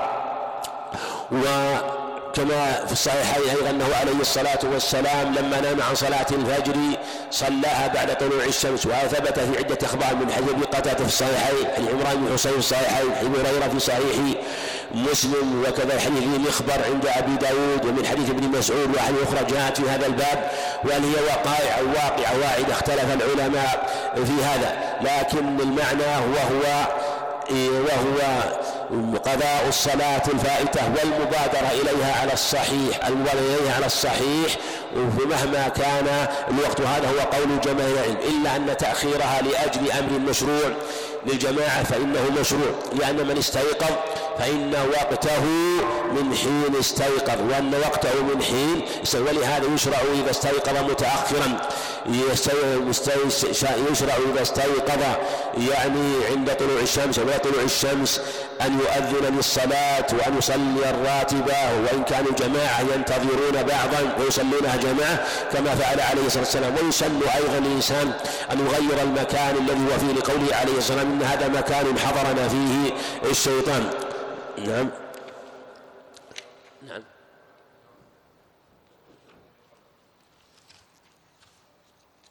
الحديث اللي قبله شنو؟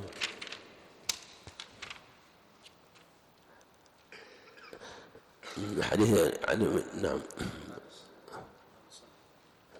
لا يشتد الحر. ما ذكرناه؟ ها؟ إذا اشتد الحر فأبردوا بالصلاة. أو فأبردوا عن الصلاة فإن الحر فيحي جهنم. وقلنا يعني أنه عند اشتداد الحر فيشرع الإبراد لكن تقدم أن أن الإبراد يعني يختلف قدره و يعني يختلف الوقت من يعني إذا كان حر شديد فتؤخر تأخيرا يحصل به انكسار الحر شدة الحر من فيح جهنم نعم أنا س... مو عندي إيش عنده؟ إيش؟ إيش الحديث عندك؟ اي سيأتي لكن مت... سيأتي لكنه نعم لكن متأخر عندي. سيأتي إن شاء الله. أحسنت. طيب. عن جابر بن عبد الله رضي الله عنه أن معاذ بن جبل رضي الله عنه كان يصلي مع رسول الله صلى الله عليه وسلم عشاء الآخرة ثم يرجع إلى قومه يصلي بهم تلك الصلاة. فيه أنه لا بأس أن يصلي الإنسان بقوم وهو متنفل وهم مفترضون كما فعل معاذ رضي الله عنه.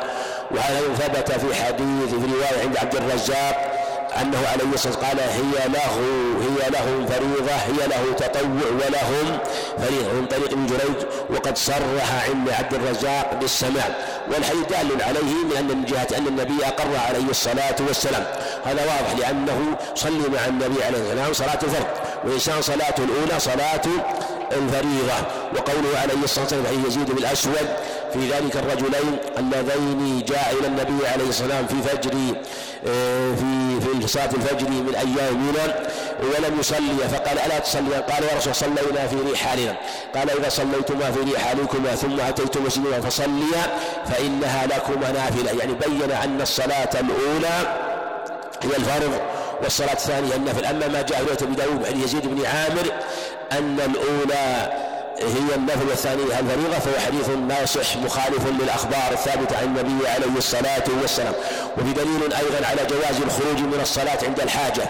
حين يتذكر الإنسان شيء ويخشى من تضرره إذا استمر الصلاة لا بأس أن يخرج الإنسان من الإمام من الجماعة وينفرد ويكمل صلاة خفيفة كما خرج ذلك الرجل لكن لا يسلم في عنده مسلم وسلم وفي ثبوتها نظر. عن أنس بن مالك رضي الله عنه قال كنا نصلي مع رسول الله صلى الله عليه وسلم في شده الحر فإذا لم يستطع أحد يوكل جبهته بسط ثوبه فسجد عليه. وهذا لو ذكره مصنف رحمه الله مع الحديث التي تقدم كان أحسن ولعلها من اختلاف النسخ أيضا.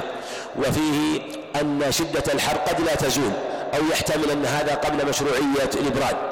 وفي دلالة لا بأس من السجود على الثوب عند الحاجة والسنة أن الإنسان ما يسجد على غترته ولا على ثوبه هذا هو السنة. لكن عند الحاجة فلا كراهة في ذلك. وثبت أيضا في صحيح البخاري أنهم كانوا يأخذون الحصى فيبردونه ويسجدون عليه. عن أبي هريرة رضي الله عنه قال قال رسول الله صلى الله عليه وسلم لا يصلي لا لا يصلي أحدكم في الثوب الواحد في الثوب الواحد ليس على عاتقه منه شيء. لفظهما ليس على عاتقيه شيء ليس على عاتقيه شيء. وليس عند مسلم منه ليس على عاتقه شيء هذا في البخاري. وليس على عاتقه شيء هذا هو لفظهما. ولفظ مسلم ليس على عاتقه منه شيء. ولفظ البخاري ليس على عاتقه شيء. ولفظهما ليس على عاتقيه شيء. المعنى أنه يضع على عاتقيه شيئا يستره فلا يصلي مكشوف الكتفين. هذا هو الصواب وهو قول أحمد رحمه الله وهو ظاهر حديث أبي هريرة. وخلافا للجمهور. وقد وافق السبكي تاج الدين رحمه الله تقي الدين مذهب أحمد رحمه الله فاختار قوله وهو أنه لا يجوز أن يصلي مكشوف الكتفين. هذا في حال الاختيار. أما إذا لم يجد شيء يستره فهذا لا بأس به. وعن جابر بن عبد الله رضي الله عنه عن النبي صلى الله عليه وسلم أنه قال من أكل ثوما أو بصلا فليعتزل أو يعتزل مسجدنا. فدلالة لا بأس من أكل الثوم والبصل. لكن عليه أن يحترز حتى تذهب الرائحة أو أن يميتهما طبخا كما في صحيح مسلم عن عمر رضي الله عنه. إنكم تأكلون من شجرتين لا أعلمهما إلا خبيثتين. وإن رسول الله صلى الله عليه وسلم كان إذا وجد ريحهما من الرجل أمر به أن يخرج إلى البقيع. وأن لا يصلي مع الناس. ولهذا قال وليقعد في البيت المعنى أنه عذر له في ترك الجماعة. هذا إذا لم يتخذوا حيلة على ترك صلاة الجماعة. أما إذا وضع في طعامه عرضا أو احتاج إليه أحيانا فلا بأس أن يأكله وهو عذر في ترك صلاة الجمعة لكن لا ينبغي أن يتخذ هذا سببا أو حيلة على ترك صلاة الجماعة. والأعمال بالنيات الأعمال بالنيات. ولهذا قال وأتي بقدر في لفظ ببدر ببدر.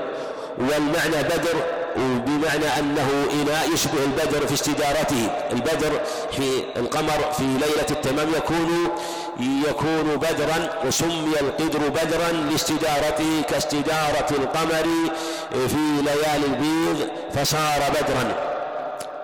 قال آه، وأتي بقدر فيه خضرات.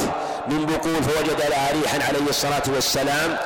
إما أنها لم تطبخ أو أنها طبخت طبخا خفيفا فبقي بعض رائحتها. فسأل فأخبر ما فيها من البقول فقال قربوها إلى بعض أصحابه فلما رآه أكل كره أكلها قال كل فإني أناجي من لا تناجي. وهذا الحديث أيضا له شواهد عن النبي عليه الصلاة والسلام حيث الصحيحين من حيث أنس الصحيحين أيضا من حديث ابن عمر أن من أكل من هذه الشجرة فلا يقربنا فلا يقرأ ومثله أيضا المجامع ومحلات الاجتماع على الصحيح ومجالس العلم أيضا لأنه كما ذكر مصنف رحمه الله قال عن جابر رضي الله عنهما أن النبي صلى الله عليه وسلم قال من أكل البصل أو الثوم أو الكراث فلا يقربن ما مصلانا فإن الملائكة تتأذى مما يتأذى منه الإنسان. وفي رواية بنو آدم هذه رواية عند مسلم. هذه رواية عند مسلم. وهذا اللفظ أيضا لك مصنف رحمه الله من أفراد مسلم. وعندهما فإن الملائكة تأذى مما يتأذى منه الإنسان. وفي دلالة على أن المجامع التي يجمع فيها الناس لا ينبغي الإنسان أن يأكل ما يكون فيه أو ما يكون له رائحة يتأذى منه الناس. باب التشهد. عن عبد الله بن مسعود رضي الله عنه قال علمني رسول الله صلى الله عليه وسلم التشهد كفي بين كفي كما يعلمني السورة من القرآن. التحيات لله والصلوات والطيبات. السلام عليك أيها النبي ورحمة الله وبركاته. السلام علينا وعلى عباد الله الصالحين. أشهد أن لا إله إلا الله. جاء عند أبي داود بسند صحيح من حديث عمر وحده لا شريك له. وأشهد أن محمدا عبده ورسوله. ورواه مسلم من حديث ابن عباس. ورواه أيضا وجاء من حديث أبي موسى الأشعري أيضا. وجاء أيضا موقوفا على عائشة عند مالك موطأ وموقوفا عن ابن عمر أيضا من حديث عند مالك موطأ بإسناد صحيح. فتشاهد حديثه كثيرة لكن اختلفت ألفاظ. بعضها التحيات الطيبات التحيات الزاكيات الطيبات المباركات. لكن حديث ابن مسعود هو أتمها لأن فيه العطف في التحيات له والصلوات والطيبات. السلام عليك أيها النبي الله وبركاته. ويترجح المسعود من جهات. الأول أنه في الصحيحين. الثاني أنه علمه كما يعلم السورة من القرآن. وفي لفظ وكفي بين كفيه وفي لفظ عند أحمد أنه علمه وأمره أن يعلمه الناس. وفي دلالة على وجوب التشهد. لكن له صفات عدة. له صفات عدة.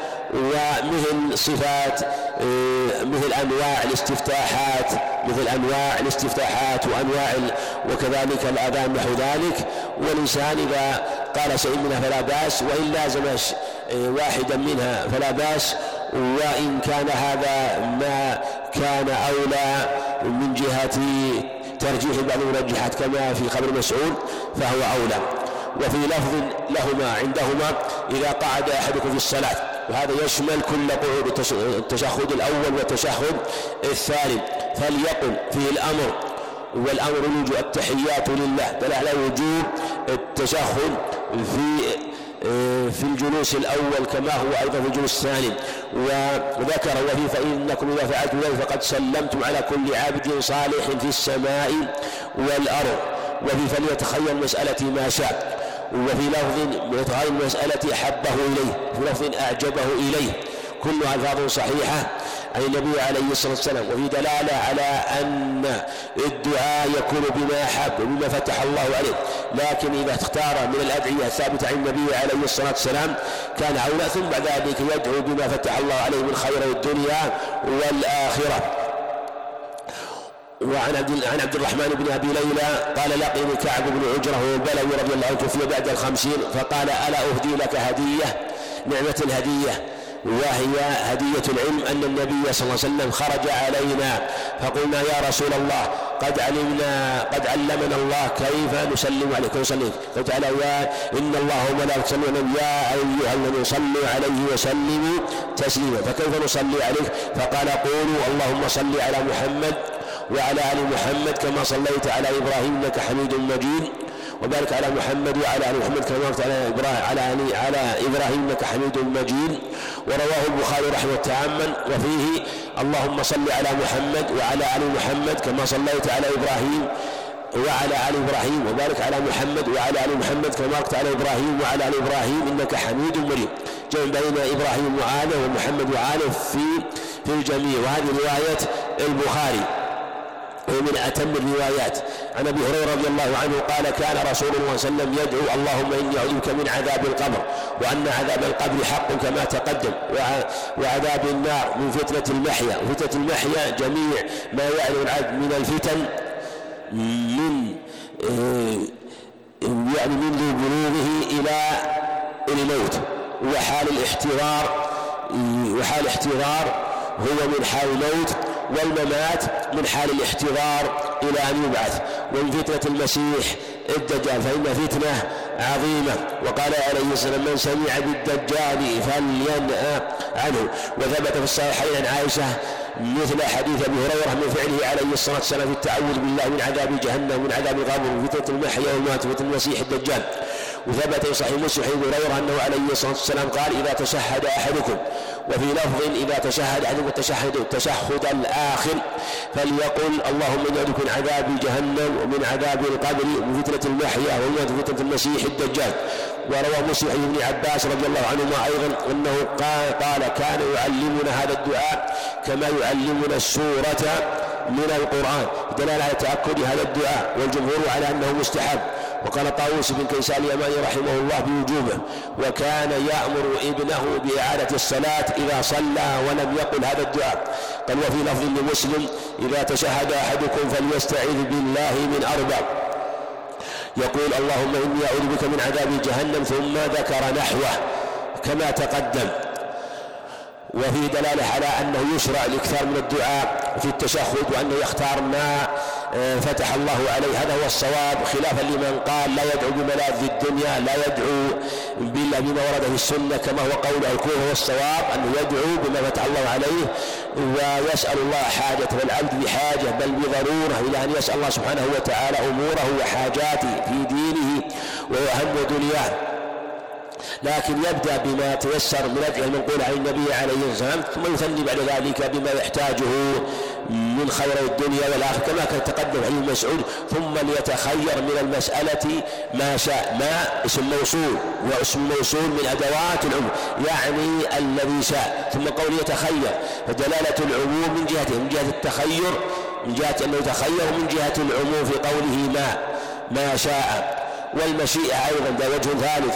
يعني ما شاءه فقوته وسياقه يدل على هذا كما تقدم. عن عبد الله بن عمرو بن عاص عن أبي بكر الصديق والحديث ثبت من رواية أبي بكر ومن ثبت من رواية آه، عبد الله بن عمرو. هنا رواه عبد الله بن عمرو عن أبي بكر. وجاء في الصحيحين أن عبد الله بن عمرو ذكره مباشرة فكأنه روى عن أبي بكر فتارة يذكره عنه يرويه عنه وتارة يذكره مباشرة من عن قصة أبي بكر لا رواية عن أبي بكر رضي الله عنه أنه قال لرسول الله صلى الله عليه وسلم علمني دعاء ندعو به صلاته السائل أبو بكر والمسؤول النبي عليه الصلاة والسلام.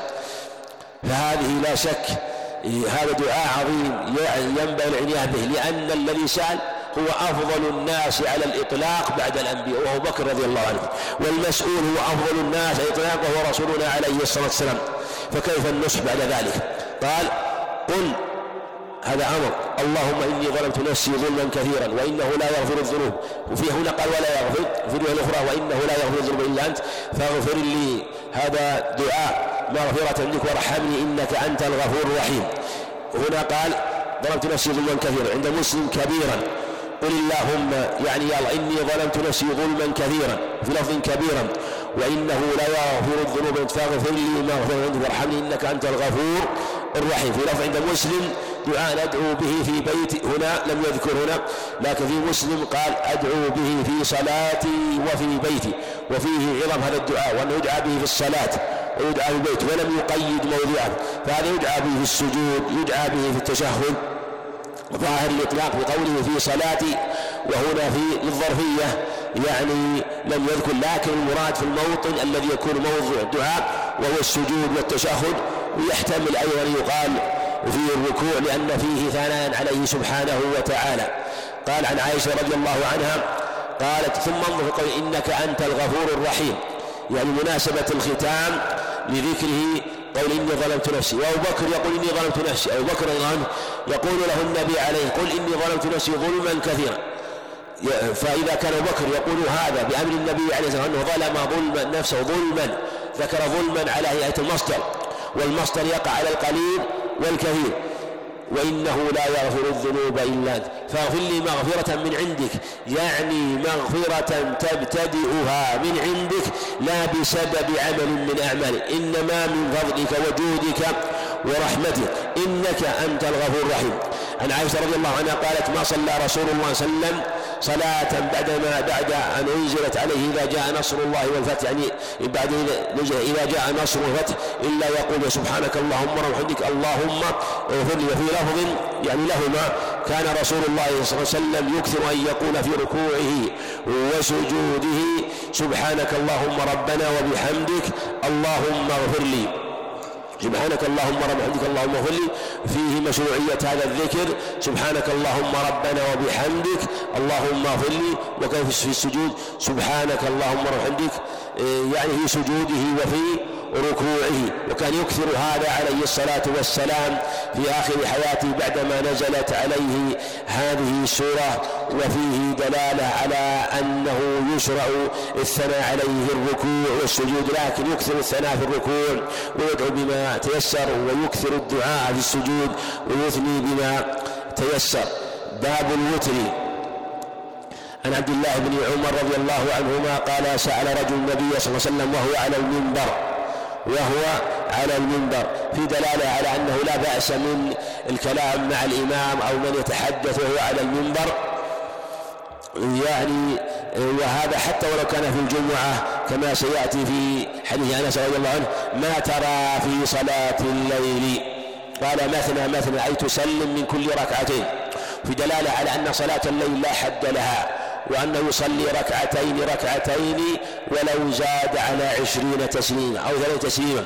هذا هو الصواب وهو قول الجمهور. والأخبار في هذا كثيرة ولعله يأتي شيء من هذا إن شاء الله.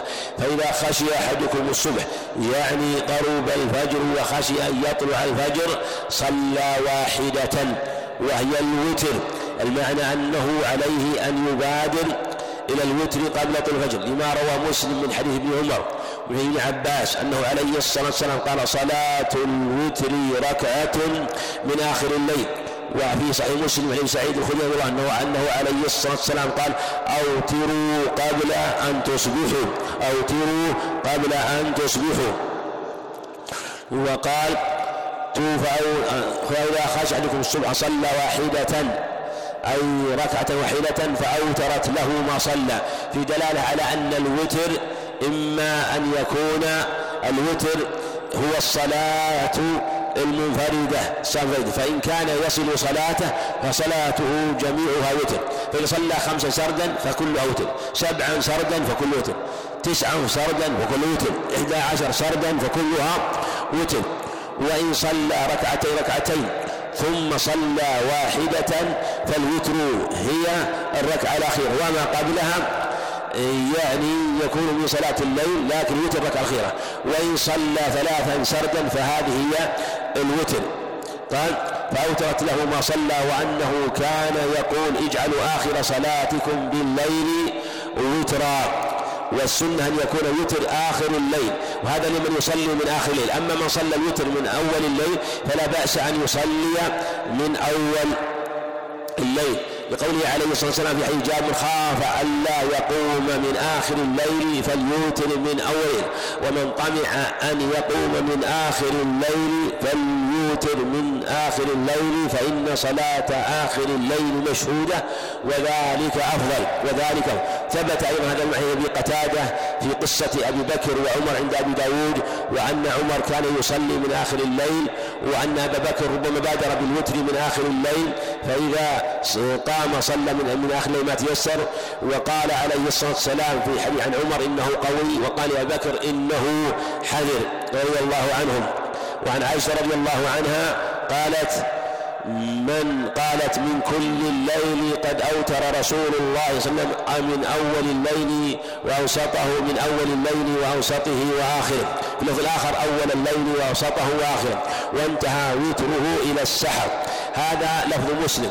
هذا اللفظ لمسلم فلو قال مسلم وهذا هو كان أحسن لأن قوله من أول الليل وأوسط آخره هذا ليس عند البخاري.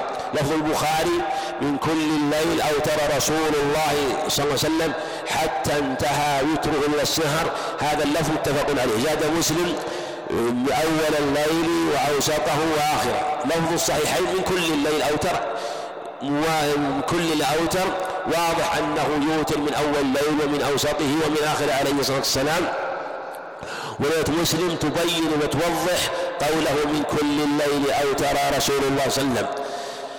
عن عائشة رضي الله عنها قالت كان رسول الله صلى الله عليه وسلم يصلي من الليل. لكن الثابت عنه عليه في الصحيحين في حديث عبد الله بن عمرو لما أرشده أنه قال له يعني أنه قال قم قيام داود كان ينام نصف الليل وكان ينام نصف الليل ويقوم ثلثه وينام سدسه. يعني كان داود ينام أول الليل يعني ثلاثة أسداس الليل.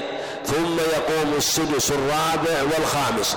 ثم ينام السدس الأخير السادس.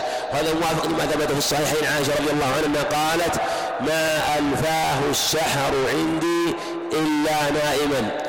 عن عائشة رضي الله عنها قالت كان رسول الله صلى الله عليه وسلم يصلي من الليل ثلاثة عشرة ركعة من يوتر من ذلك بخمس. لا يجلس في شيء إلا في آخرها. وهذا أكثر وتر عليه الصلاة والسلام وثلاثة عشرة ثبت في صحيح مسلم حديث زيد بن خالد الجهني أيضا أنه عليه الصلاة والسلام صلى ركعتين وركعتين ركعتين ثم ركعتين ثم ركعتين ثم ركعتين ثم ركعتين ثم أوتر ثبت أيضا في حديث ابن عباس أيضا أنه كذلك صلى عليه الصلاة والسلام ركعتين ثم ركعتين ثم ركعتين ثم ركعتين ثم ركعتين ثم ركعتين ثم أوتر ثلاثة عشر ركعة خلافا لما تأوله الحافظ رحمه الله وأن الركعتين الأوليين لعلها ركعتا العشاء الراتبة.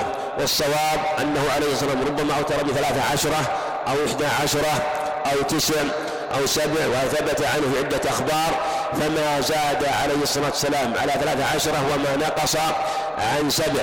وإن كان الأكثر من فعل عليه الصلاة والسلام هو أنه يصلي إحدى عشر كما ثبت الصحيحين من حديث عائشة رضي الله عنها ما زاد رسول الله صلى الله عليه وسلم في رمضان ولا غيره على إحدى عشرة ركعة. وهذا من قولها رضي الله عنها وليس من قول النبي عليه الصلاة والسلام. ومعلوم أنها ليل لأن لها ليلة واحدة من تسع ليال في أول الأمر. ثم بعد ذلك كان لها ليلتان لما لما وهبت سودة ليلتها لعائشة رضي الله عنها. فنقلت رضي الله عنها ما حفظته ونقل بعض الصحابة مثل ابن عباس حينما بات عنده ليلة من الليالي عند خالته ميمونة رضي الله عنها. باب الذكر عقيب الصلاة. عن عبد الله بن عباس رضي الله عنهما أن رفع الصوت بالذكر حين ينصرف الناس من المكتوبة كان على عهد رسول الله صلى الله عليه وسلم قال ابن عباس كنت أعلم إذا انصرفوا بذلك سمعته فيه مشروعية الذكر بعد الصلاة. وثبت في عدة أخبار الصحيحين حديث ابن عباس كما هنا في الصحيحين أيضا سيأتي الحديث المغيرة لكن في صحيح مسلم من حديث عبد الله ابن الزبير وفيه مشروعية رفع الذكر وهذا هو الأظهر خلافا للشافعي رحمه الله وأن ما فعل عليه الصلاة والسلام كان من باب والصواب أن الجهر مشروع والجهر بالذكر قد يشرع في بعض المواضع. الجهر بالذكر يشرع في بعض المواضع كالجهر بالتلبية والجهر بتكبيرة الإحرام الجهر بتكبيرة الإحرام للإمام حينما يسمع. كذلك الجهر بالذكر في أيام عشر عشر ذي الحجة وليلة عيد الفطر. والتكبير حينما يكون الأمر يتعجب منه ونقل في بعض المواضع كما تقدم فهذا من هذا وكذلك الذكر بعد الصلاة. ولهذا قال حين ينصرف الناس مكتوبة كان على عهد رسول الله صلى الله عليه وسلم. وفي لفظ ما كنا نعرف انقضاء صلاة رسول الله صلى الله عليه وسلم إلا بالتكبير. هذا لفظ مسلم.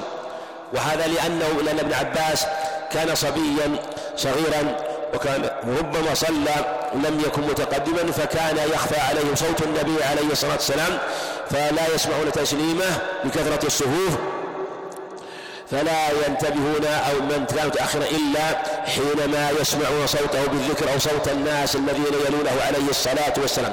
وعن وراد مولى المغيرة هذا وراد مولى المغيرة ثقة من رجال الشيخين وهو فرد في الأسماء ليس في الكتب الستة والراد إلا مولى المغيرة. قال المغيرة بن شعبة الثقفي صحابي جليل تقدم ذكر رضي الله عنه قال أملى علي المغيرة بن شعبة في كتاب إلى معاذ في دلالة على أن الكتابة الكتابة العلم مشروع أن كتابة العلم حجة وأنه يؤخذ بها. وقد كتب النبي عليه الصلاة والسلام إلى الولاة في عهده وكتب الصحابة بعضهم إلى بعض. أن النبي صلى الله عليه وسلم كان يقول في دبر كل صلاة مكتوبة لا إله لا شريك له له الملك ولا كل شيء قدير. اللهم لا مانع لطيت ولا معطي لأنت ولا ينفع ذا الجد منك الجد. هذا الذكر مما يشرع. لا إله لا شريك له له الملك والحمد ولا كل شيء قدير. اللهم لا مانع لما اعطيت ولا معطي لما ولا ينفع ذا الجد منك الجد. ويشرع تكرار هذا الذكر ثلاثا لرواية جيدة عند النسائي أنه كان يكرره ثلاثا هذا الذكر يشرع ان يكرر ثلاثا فالذكر بعد الصلاة أنواع. اولا أستغفر الله أستغفر الله أستغفر الله. اللهم أنت السلام ومنك السلام. تباركت ذا الجلال الاكرام أو يا ذا الجلال الاكرام كل ثبت صحيح مسلم. عن عائشة وعن ثوبان رضي الله عنه قال الأوزاعي أحد الرواة يكرر الاستغفار. وهذا واضح من الرواية. وكذا هم يقول ذلك هذا الذكر وارد في حديث المغيرة لا وحده لا شريك له. وكذلك يقول لا وحده لا شريك له له الملك والحمد ولا كل شيء قدير لا إله إلا الله ولا نعبد إلا إياه له النعمة وله الفضل وله الثناء الحسن. لا إله إلا الله مخلصين الدين ولو كره الكافرون. هذا يقال مرة واحدة ثبت صحيح مسلم من حديث عبد الله بن الزبير. وجاءت رواية لا راد لما قضيت عند عبد بن حميد جودها بعض أهل العلم. وجاء يحيي ويميت وحي لا يد الخير يحيي حي لا يموت. وهذه زيادة عند الطبراني ضعفها بعض أهل العلم. يحيي حي لا يموت بيد الخير وهو على كل شيء قدير. قال وقال ثم وفدت بعد ذلك على معاوية فسمعته يأمر الناس رضي الله عنه. لما كتب له المغيرة بذلك جعل يأمر الناس في تعليم الناس العلم. وأنه ربما يغفل يغفل عن هذا. فتعليم الناس للصلاة وتعليم الناس الأذكار وبيانها لهم في المجامع هذا كان من من السنة التي كان عليها الصحابة رضي الله عنهم. نشرا للسنة ونشر السنة خير عظيم. والنبي عليه الصلاة والسلام يقول لا يزال الناس بخير ما عجلوا فتح لا يزال الناس لا يزال أمتي على الفطرة. دل على أن العمل بالسنة من أعظم أسباب الخيرات على الناس وعلى المجتمعات وخاصة حينما تشاع في المجامع على المنابر ويذكر بها الناس ويوصى الناس أن يوصي أن يوصي بعضهم بها بعضا. ويحث على ذلك ويذكر ويبين للناس بيان واضح سنة النبي الثابتة الصحيح عنه عليه الصلاة والسلام في صفة صلاته وصفة الأذكار المنقولة ومن أعظم أسباب البركة والخير على البلاد والعباد عموما وخصوصا. وفي لفظ كان ينهى عن قيل وقال وإضاعة المال وكثرة السؤال وكان عن حقوق الأمهات وعد البنات ومنع وهات. يعني منع ما يجب وهات طلب ما ليس له. وهذه كلها دلت عليها الأخبار. قال عن سمي مولى أبي بكر بن الحارث بن هشام عن أبي صالح السمان عن أبي هريرة رضي الله عنه أن فقراء المهاجرين أتوا رسول الله صلى الله عليه وسلم فقالوا يا رسول الله ذهب على الدخول بالدرجات العلى والنعيم المقيم لأن لهم أموال يتصدقون كما قال قالوا قالوا وما ذلك؟ قالوا يصلون كما نصلي ويصومون كما نصوم ويتصدقون ولا نتصدق ويعتقون ولا نعتق. فقال رسول الله صلى الله عليه وسلم أفلا اعلمكم شيئا تدركون به من سبقكم وتسبقون من بعدكم ولا يكون أحد أفضل منكم إلا من صنع مثل ما صنعتم. قالوا بلى يا رسول الله قد تسبحون وتكبرون وتحمدون دبر كل صلاة ثلاثا وثلاثين. وهي دلاله على أن العبرة بما يقوم في القلب من تعظيم الله سبحانه وتعالى. وأن العبد قد يدرك بإخلاصه وصدقه ما لا يدركه غيره. ولهذا صارع الصحابة الصحابة لم يكونوا يسألون الدنيا كانوا يسألون عن العلم وعن الدين. ولهذا قال يصحب الدثور وجمع دثر وهو المال الكثير. يتصدقون وينفقون وأيضا يعملون هذه الأعمال. فدلهم عليه الصلاة والسلام على عمل يسبقون به من بعدهم. وهذا الحديث في صفة الذكر وصفة الذكر بعد الصلاة أنواع منها ما ثبت الصحيحين وأن تسبح 33 وتحمد 33 وتكبر 33 يعني أن تقولها 99 مرة المجموع والنوع الثاني أن تقول هذه 99 مرة وتختم بقول لا إله إلا شريك له له الملك والحمد ولا كل شيء قدير ثبت صحيح مسلم من حديث أبي هريرة. والنوع الثالث أن تقول سبحان الله 33 والحمد لله 33 والله أكبر 34 كما في صحيح مسلم من حديث كعب العجر أنه عليه الصلاة والسلام قال معقبات لا يخيب قائل ثلاث وثلاثون تسبيحة وثلاث وثلاثون تحميدة وأربع وثلاثون تكبيرة. والنوع الرابع تسبح عشرا وتحمد عشرا وتكبر عشرا يعني ثلاثين من كل واحدة عشر. وهذه رواها البخاري ولكن لم يذكرها في كتاب الصلاة وتوقف بعضهم فيها وكأنه وقع وهم في بعض الرواية. لكنها وردت وجاءت من حديث عبد الله بن عمرو عند أبي داود بسند جيد عشر وعشر وعشر. وهذا هو النوع ماذا؟ الرابع. النوع الخامس أن تسبح ثلاثا وثلاثين وأن تحمد ثلاثا وثلاثين وتكبر ثلاثا وثلاثين وتهل أن, أن تكبر خمسا وعشرين. وأن تسبح خمسا وعشرين وأن أن تكبر خمسا وعشرين وأن تحمد خمسا وعشرين وأن تهلل خمسا وعشرين وأن ماذا؟ سب تحمد قلنا؟ سبح وتحمد وتكبر وتهلل. كل واحدة منها ماذا؟ خمسا وعشرين. ثبت عند النسائي من حديث زيد بن ثابت ومن حديث ابن عمر بسند صحيح. هذا هو النوع ماذا؟ الخامس. النوع الخامس. النوع السادس أن يكون من كل واحد إحدى عشرة إحدى عشرة تسبيحة إحدى عشرة تحميد إحدى عشرة تكبيرة. هذه جاءت هنا كما هنا أن يكون منهن كلهن ثلاثة لكن الأظهر أن هذه الرواية وهم أن هذه الرواية وهم. النوع السادس أن تسبح ثلاثا وثلاثين وأن تحمد ثلاثا وثلاثين وأن تكبر ثلاثين وأن تهلل عشرا. يكون مجموع مئة وتسع. وهذه رواية ذكرها ابن كثير رحمه الله وفي ثبوتها نظر. المقصود الذي ثبت هو الصفات الخمس. الصفات الخمس الثابتة فأي نوع من هذه الأنواع قاله الإنسان فإنه يكون قد أتى بالسنة ولله الحمد. وإن لازم هذا الذكر وأن يقول ثلاثة وثلاثين ويختم بقول لا أحد لا شريك له له الملك ولا كل شيء قدير. فإن يجمع بين الروايتين في الصحيحين وفي صحيح مسلم. وفي اللفظ الآخر قال غفرت الذنوب وإن كانت مثل زبد البحر. قال أبو صالح فرجع فقراء المهاجرين فقالوا سمع إخواننا أهل الأموال بما فعلنا. ففعلوا مثله. فقال الرسول صلى الله عليه وسلم ذلك فضل يأتيه من يشاء. وهذه رواية وهذه رواية مدرجة. ليست من كلام النبي عليه الصلاة والسلام وهي ليست عند البخاري هي من أفراد مسلم.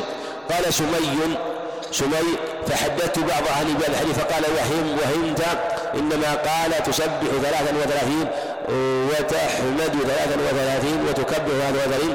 فرجعت إلى مصالح فقلت فقلت ذلك فقال قل الله أكبر سبحان الله والحمد لله حتى تبلغ من جميعهن ثلاثا وثلاثين. وهذا فيه نظر وأنها هذا من تفسير أبي صالح والصواب أنه يقول ثلاثا وثلاثين لكل واحدة من الأذكار ويكون المجموع تسعا وتسعين. عن عائشة رضي الله عنها أن النبي صلى الله عليه وسلم صلى في خميصة لها أعلام. يعني فيها نقوش من غيرها ألوان. فنظر إلى إعلامها نظرة في الصلاة يعني في صلاته عليه الصلاة فلما انصرف قال اذهبوا بخميصتي هذه إلى أبي جهل وأتوني بأنبجاني يعني كساء سادة ليس فيه إعلام. فإنها لتني آنفا عن صلاتي. وفي لفظ في البخاري أميطي عنا قرامك فإنه لا تزال تصاوير تعرض لي في صلاة الخميصة يقول كساء مربع الغلام والأنبجانية كساء غليظ. يعني ليس فيه إعلام في دلالة على أنه يشرع ألا يشغل المصلي نفسه. بشيء لا في لباسه ولا في قبلته فلا يصلي إلى شيء فيه ألوان ونقوش. ولهذا نص العلماء على أن القبلة والمساجد يشرع أن تكون ساجدة سادة وأن لا تنقش المساجد ولا لا تنقش القبلة. كذلك أيضا أن تكون قبلة المصلي خالية وعند أبي داود بسند جيد أنه عليه الصلاة والسلام قال لعثمان بن طلحة إني لما دخل الكعبة وخرج منها إني نسيت أن آمرك أن تغطي قرن الكبش أي الكبش الذي هدي به إسماعيل عليه السلام فإنه لا ينبغي أن يكون في قبلة المصلي شيء يشغله يعني يشغله عن الصلاة ولا شرع له أن يتخذ سترة يتخذ سترة وهذا المعنى يجب أن يجمع المصلي نفسه في صلاته وفي الحديث الصحيح لعمار بن عبد الله يصلي صلاته لا يكتب له إلا نصفها إلا ثلثها إلا ربعها إلا خمسها حتى قال إلا العشر.